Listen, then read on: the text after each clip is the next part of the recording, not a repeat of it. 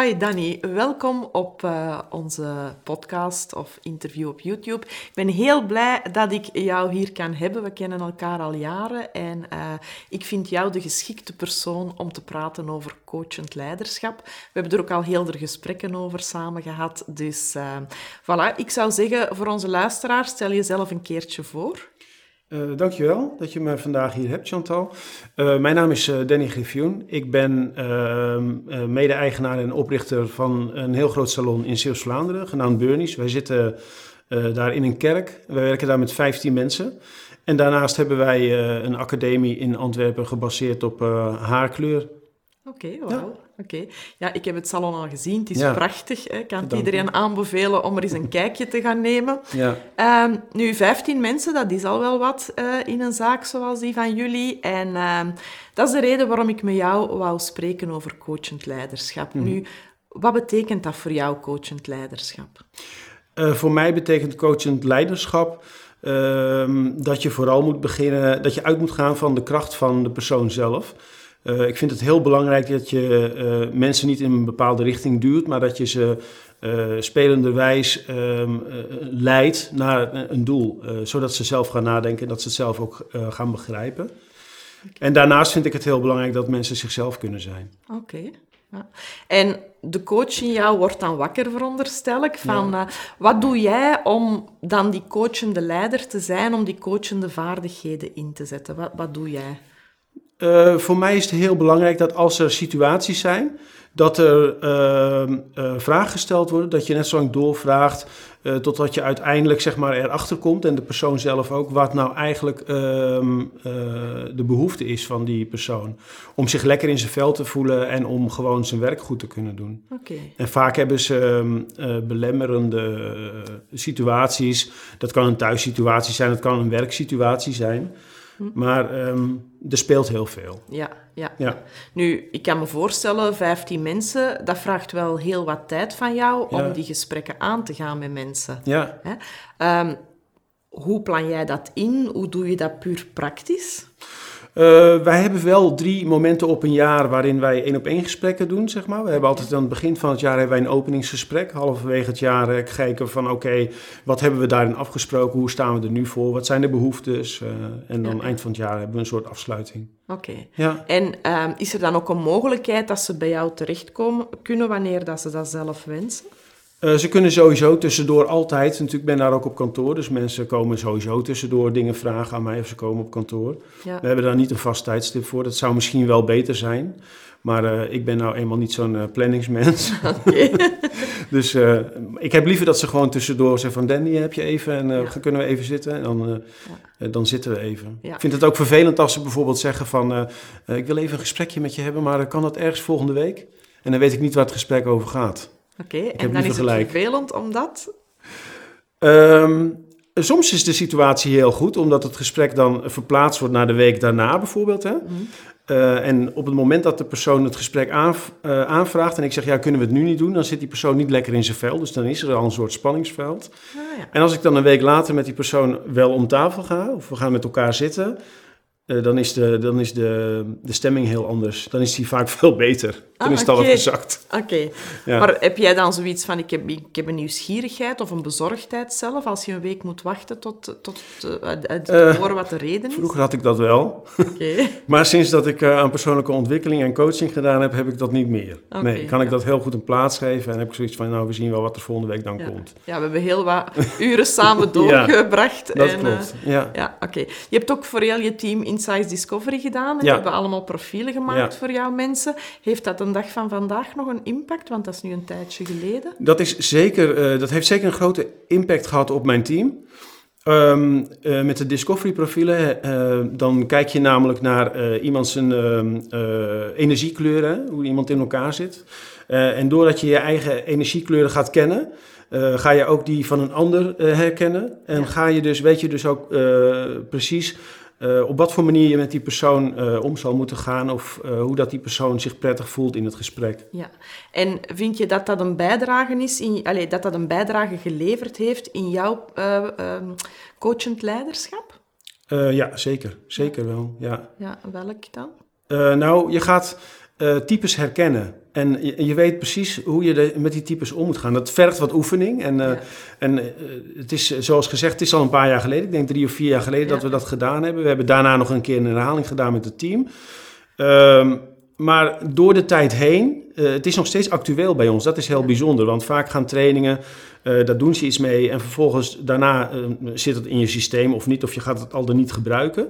Maar als je kijkt naar de discovery profielen en de energiekleuren van mensen, waar het dan uiteindelijk over gaat, dat is nog steeds actueel. Het hangt nog steeds bij ons op kantoor, een heel grote schijf met iedereen erop. Oké, dat doet me heel veel plezier. ja. ja. Um, nu, een coachende leider, um, ja, eerst en vooral heb je al gedefinieerd wat dat voor jou betekent. Tegelijkertijd is dat ook niet voldoende. Je hoeft niet alleen een coachende leider te zijn. Soms in moeilijke situaties moet je ook ja. eens anders reageren. Hoe maak je die combinatie? Nou, ik denk dat als je in een gewone situatie bent, de dagelijkse dingen, dan kan je op een, uh, dan kan je op een vrije subtiele manier reageren. Je hebt natuurlijk ook altijd een keus uh, of je ergens direct op wil reageren of niet. Uh, nou ja, mijn energie is hoog rood. Dus uh, in mijn geaardheid of in mijn gewoonte ligt gewoon dat ik uh, direct reageer. En ik heb dus geleerd om dan ook even... Ik mag ook uh, even wachten. En ik okay. kan ook nog een week wachten. Super. dat bevalt me heel erg goed. Maar in stresssituaties, bijvoorbeeld als we kijken naar vorig jaar... dat, zeg maar, um, dat, dat de salon dicht moest voor drie maanden... Ja, dan gaan de deuren dicht en dan, is er maar één, eh, dan zijn er maar een aantal dingen die tellen. Dat is de interne communicatie, de communicatie met mijn team en de communicatie met mijn klanten. Oké, en hoe heb je dat aangepakt?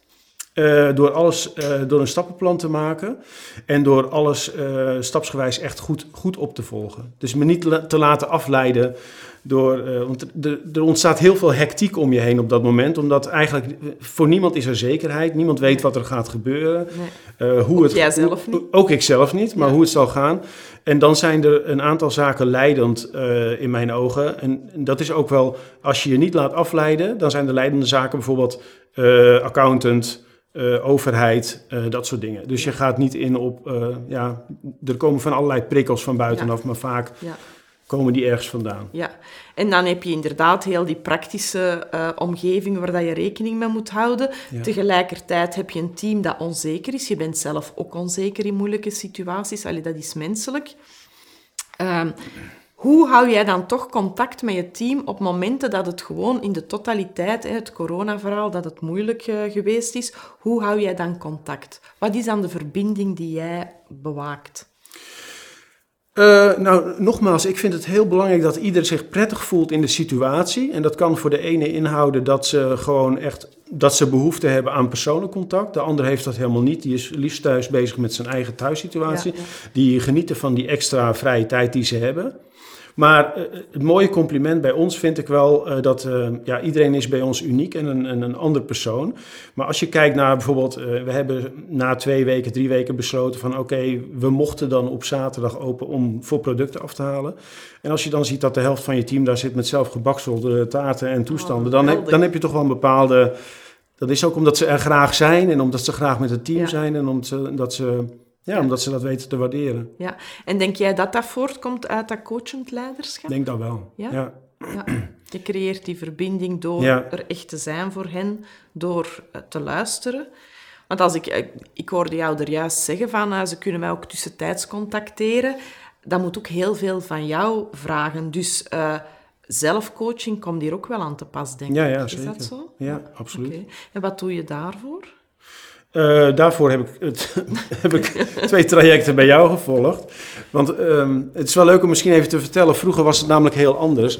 Ik, um, ik was vroeger altijd recht op mijn doel af en iedereen moest mee. En dan keek ik om en dan, dan, had ik geluk dat er nog twee mensen volgden. van de vijftien. Maar uh, ik heb bij jou dus geleerd om alles gewoon... Uh, ja, om alles een plek te geven, om de tijd te nemen, om kleinere stapjes te maken in plaats van grote stappen vooruit. En dat heeft mij zelf ook wel heel veel rust gebracht. Okay. Als, als, ik ben als persoon ontwikkeld door, de coaching, door het coachingstraject wat ik bij jou heb gevolgd. Okay. Ja. Dus je kan eigenlijk zeggen dat een coachende leider best ook gecoacht kan worden om alles ja, onder controle te houden, Absoluut. de juiste technieken te leren. Ja, ik denk dat het met name begint bij de coachende leider ook, omdat uh, het begint, alles begint namelijk bij jezelf. Ja. En uh, er is niks vervelender, uh, vervelender dan, dat je, dan dat je jezelf niet kent. Ja.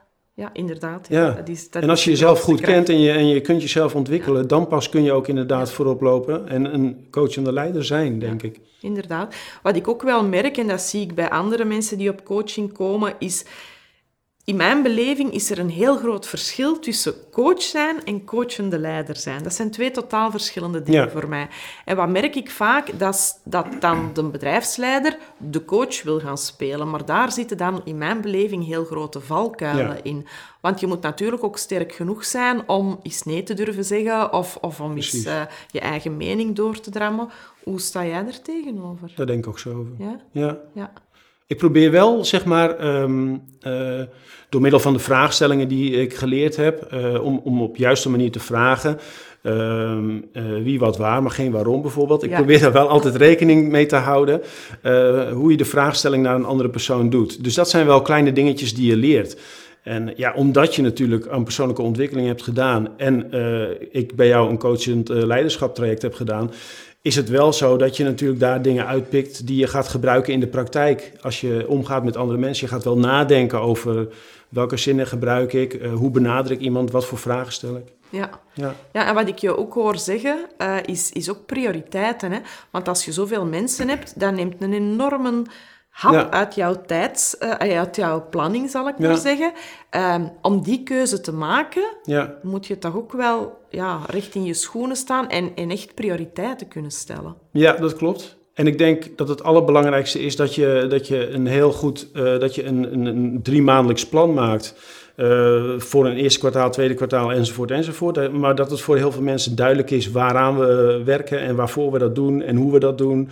Eh, dat is ook heel makkelijk, want dan kan je alles, eh, alles wat er dan tussen probeert te komen van buitenaf, ja, daar is geen plaats voor. Dus dat hoef je niet op te pakken. Oké, dus als het bij jou in de agenda staat, heeft het prioriteit. Niet alleen bij mij. nee, we, we, we brainstormen wel van tevoren van oké, wij zijn natuurlijk ook afhankelijk van eh, productlanceringen. Wat, wat, gaan, wat gaan de toeleveranciers doen? Wat komt eruit? Wat is daarin voor ons belangrijk? Want ja, ze bieden natuurlijk heel veel aan, maar we Ja. moeten alleen maar de dingen uit, eruit halen die voor ons belangrijk zijn. Ja, ja. Ehm, als je dan spreekt over dat coachende, bedoel je dat dan zowel op technisch vlak als op persoonlijk vlak? Eh, ik zit meer op persoonlijk vlak. Jij werkt op persoonlijk Ja. vlak. En jouw associé, Bernie, werkt eerder op het technische vlak, als ik het begrepen Ja, heb. Maar dat is ook een vorm van coaching, natuurlijk. Ja. Ja, oké. En daar is een mooie balans in te vinden? ja, want hij doet techniek en ik doe de, Ja. de cijfers en de business. Dus bij jou komen ze met al hun problemen af. Ja. en, En- bij hem met al Precies. vragen. Maar daarnaast heb ik wel nog, moet ik wel zeggen Chantal, daarnaast heb ik wel nog iemand op kantoor zitten die zeg maar alles, eh, ik wil geen vragen over eh, inhoud van cao's en wetgeving en Ah, dat soort dingen niet. Dus Ja. ik kijk er wel naar, maar ik heb wel iemand die dat voor mij gewoon allemaal uitzoekt. Oké, ah ja, dat, Dat is doe ik niet praktisch. Dus jouw organisatie is zo opgebouwd dat jij ruimte kan creëren voor jouw mensen. Die ruimte, ik ben eventjes aan het samenvatten. Hè. Ik ben coach, ik heb dat Ja. nodig om eens te kunnen samenvatten. Dus jij hebt het zo georganiseerd dat er iemand is die de praktische kant doet, iemand die de technische kant doet, waardoor dat jij ruimte in je agenda krijgt om jouw mensen te begeleiden. Ja. En door die begeleiding ontstaat er meer betrokkenheid. En durven ze ook naar jou komen? Want ik hoorde Ja. je er straks zeggen, ze kunnen ook tussendoor, als ze een probleem hebben, tot bij mij komen. Oké, dat kan in theorie allemaal heel mooi klinken, maar ze moeten het ook doen in praktijk. En dat Ja. zie ik toch vaak in bedrijven, dat ze niet naar de zaakvoerder of de manager durven gaan uit angst dat het, eh, ja, dat het fout gaat lopen. Ja. Dat is bij ons niet zo, denk ik, omdat ik, ik ben een hele eh, een open en eerlijk. Ik geloof in eerlijkheid altijd. Ehm, wij zeggen ook altijd, ehm, ja, je krijgt waar je recht op hebt. Maar dat geldt niet alleen voor, eh, voor, mijn, eh, voor mijn medewerkers, maar dat geldt natuurlijk ook voor het bedrijf en voor de klant. Dat geldt voor iedereen. Wij zijn een hele open en transparante organisatie waarin we heel veel met elkaar delen. En ik denk wel dat daardoor ook ehm, eh, de toenadering bijvoorbeeld tot mij, dat dat gewoon makkelijker wordt. Ja.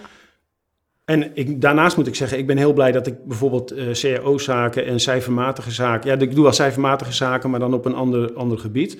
Maar bijvoorbeeld, ik noemde altijd de stoffige zaken, net zoals ja, eh, inhoud van CAO, personeelsverzekeringen, Ja. ziekte, vakantieverzuim, ziekteverzuim, verplichte vakantie. nummers. Ja. Dat vind ik niet leuk. Nee. Nee, Nee. maar dat, ik, dat is ook mijn ervaring, dat als je je daarmee bezighoudt... eh dat gaat ten koste van mijn creativiteit als manager. Want als manager moet je ook Tuurlijk. creatief kunnen zijn. Ja, inderdaad. Ja, Ja.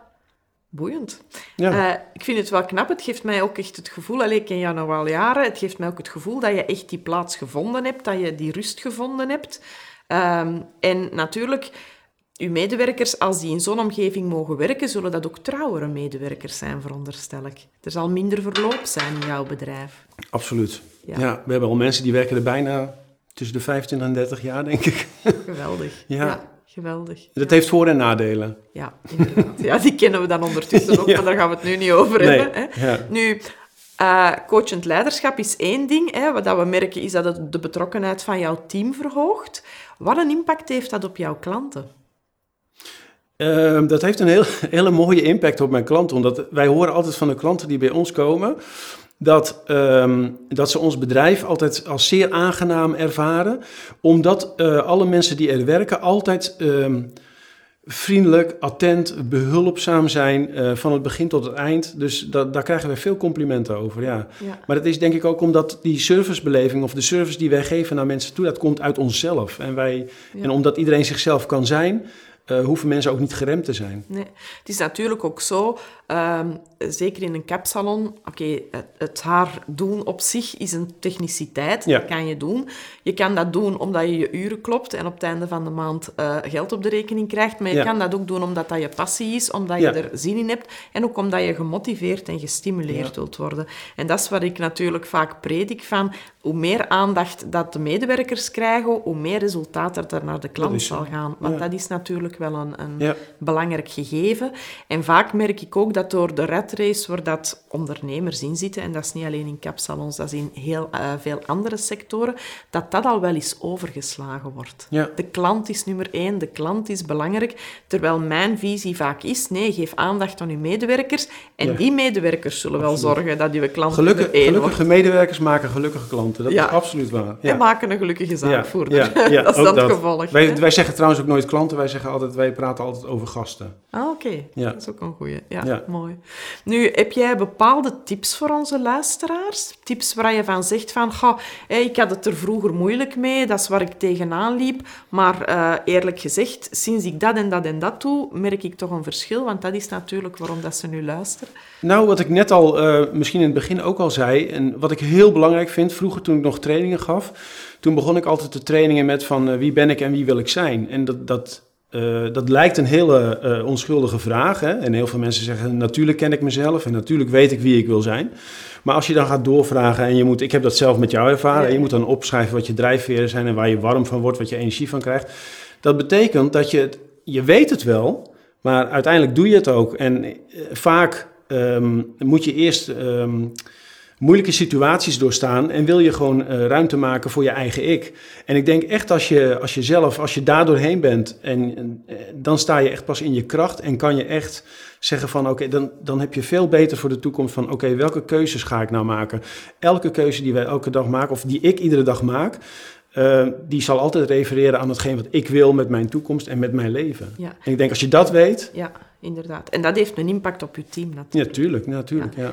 Dus dan wil je mensen aantrekken die dezelfde waarden, dezelfde normen hebben. Is, is ja. dat zo voor Nou, ik wil een soort, ik wil een soort, uh, um, ik wil een soort boei zijn voor mijn team. Ik wil altijd, ik, ik, ik zal niet zeggen, ik, ik ben niet beter, maar ik ben, uh, ik ben continu, dat weet je zelf ook, ik ben continu met jou en met, met Klik aan het ontwikkelen, maar ja. ook op persoonlijk vlak. En uh, ik denk, als je daarin voorop blijft lopen, kan je ook andere mensen uh, op die manier meenemen in het ja. verhaal. Waardoor zij ook, wat jij ja. net zegt, waardoor ze gelukkiger worden, maar waardoor ze, ze gaat ook zelf een stukje ontwikkelen. En dat is heel belangrijk. Ja. Ik krijg er kippenvel van. Vind ik zo mooi gezegd. Ja, echt waar. Uh, ik vind dat ook echt zo de waarheid van uh, als mensen ook op werkgebied zich happy voelen, als hun waarden en normen ingevuld worden, ja, dan heb je als zaakvoerder een geweldige taak uh, geleverd. Hè. Dan ja. heb je echt iets knaps in de wereld gezet. Ja. En dan ook, zelfs al werken ze niet meer bij u na een lange tijd, ze zullen u altijd herinneren. Altijd. ja. Ja. En ik kan mij ook herinneren vanuit mijn vorige carrière dat ik vandaag nog mensen tegenkom die dat nog altijd zeggen ja. tegen mij. En dat, ja, dat verwarmt je ja. hart, hè. dat is fantastisch. Hè? Maar wat jij net zei ook van als mensen bij je werken en ze hebben gewoon, hè, ze werken en ze hebben eind van de maand geld nodig, ja. dan hou je bij ons niet vol. Nee. Dat gaat niet. En je leert elkaar pas kennen in moeilijke tijden. Als het moeilijk gaat.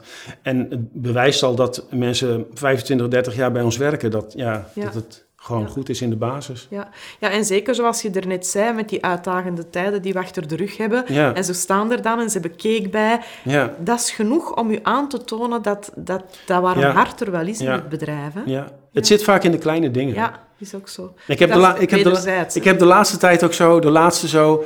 Kijk, toen ik bij jou twee of drie jaar geleden met coaching begon... en ik heb die trajecten doorlopen... dan heeft dat even... Ehm, ehm, tijd nodig om te laten bezinken. Je gaat nog wat lezen, je ziet nog wat voorbij komen op social media.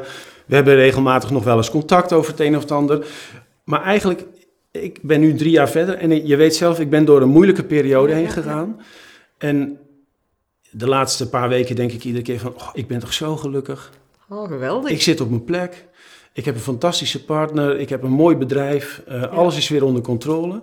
Maar de keus die ik toen moest maken dat, om het moeilijk te hebben om door die periode heen te gaan, ja, dat weerhoudt heel veel mensen, denk ik, van het feit om het te doen. Ja. Ja, een coach opzoeken vraagt lef. Hè. Dat, heb ik, dat heb ik trouwens in het begin tegen jou ook gezegd. Hè, van, het is niet een gezellig koffietje en een babbeltje. Hè. Dat gaan we niet doen. Hè. Uh, dus ja, heel knap dat je dat gedaan hebt. Zijn er nog tips die je hebt voor de luisteraars? Ja, ik blijf maar bij jezelf. Wees vooral altijd jezelf. Wees authentiek. Ja. En, uh, en ben je nergens bang voor, doe het gewoon. Ja, oké. En als het niet alleen lukt, dan maar samen met een coach. Ja, ja en dat is echt mooi, hè, dat je niet in die ratrace verdrinkt en je daardoor verliest eigenlijk. Hè? Ja. ja. Wauw, knap. Ja. Ik denk dat wij uh, rond zijn, dus uh, ik wil jou heel hard bedanken. Ja, ik weet dat we elkaar zeker terugzien. Um, ik hoop dat de luisteraars heel veel tips hebben gehad en nog meer, dat ze vanuit jouw enthousiasme de goesting krijgen om er tegenaan te gaan. Dus uh, dank je wel. Nou Chantal, ik heb eigenlijk nog een leuk nieuwtje voor jou. Oké. ik, ga, ik heb besloten, want ik wilde heel graag nog een coachingstraject bij je volgen, omdat, het, omdat er alweer een jaar tussen heeft gezeten. En, uh, maar het leek me leuker om dat in Thailand samen met jou te doen. En met jullie. Ik hoop dat er nog heel veel mensen meegaan. Want ik ga mee naar het, uh, Leadership uh, Retreat. Oh, geweldig. In, in maart, want ik zag dat de eerste sessie al vol zat. Ja, ja. Dus dan wordt het maart. Oh, geweldig. Oh, Daar ben ik heel blij mee. Ja, leuk. Ja, dat gaat heel veel betekenen voor jou, want in Thailand, we hebben er nog niet veel over gesproken, is dat echt een volle week waar dat we aandacht geven aan jouw leiderschap nog beter te ontwikkelen. En dat is eigenlijk een, uh, een heel leuke combinatie, want in de voormiddag is er een stukje theorie. We gaan ook aan zelfzorg doen, hè, gezonde voeding, uh, beweging een stukje. Maar in de namiddag zijn we altijd op uitstap, op een heel originele manier. En die uitstap is altijd gekoppeld aan het thema van de dag. Dus elke dag is er een ander thema. Uh, ja, zoals je weet, hè, Klik, het is altijd heel origineel, uh, veel ik, verrassing. Ik wilde al een paar jaar mee natuurlijk. Ja, dus ik heb iedere keer, nee, eerst ging mijn coachingstraject voor en toen had ik nog een coachingstraject. En toen heb ik een jaar niks gedaan, heb ik nou gedaan. Hè. Ja, ja. Maar tenminste wel dingen gedaan, maar niet uh, op het gebied van persoonlijke ontwikkeling met jou. En toen dacht ik bij mezelf, nou, ik ga mee. Ach, fantastisch. Ja. en zoals je weet, ik heb sinds vorig jaar een nieuwe formule. Um, en wat dat er nu speciaal is, um, is dat we echt echt kiezen voor een heel exclusief publiek. Dat wil zeggen, ik kan maximum 10 mensen meenemen en ik ben ook niet bereid om er meer mee te nemen, omdat ik dan echt heel persoonlijk one-to-one kan werken. Ja. ja, voor mij is dat ook... Uh, Voel me vereerd. De, week van het jaar, dat is echt top. Oh, ik ben echt kei blij dat nou, je erbij bent. Oké, super. Leuk. Dan uh, zien we elkaar waarschijnlijk ervoor nog. Zeker, zeker, zeker. Zeker in Thailand. Ja. Dankjewel. Dankjewel.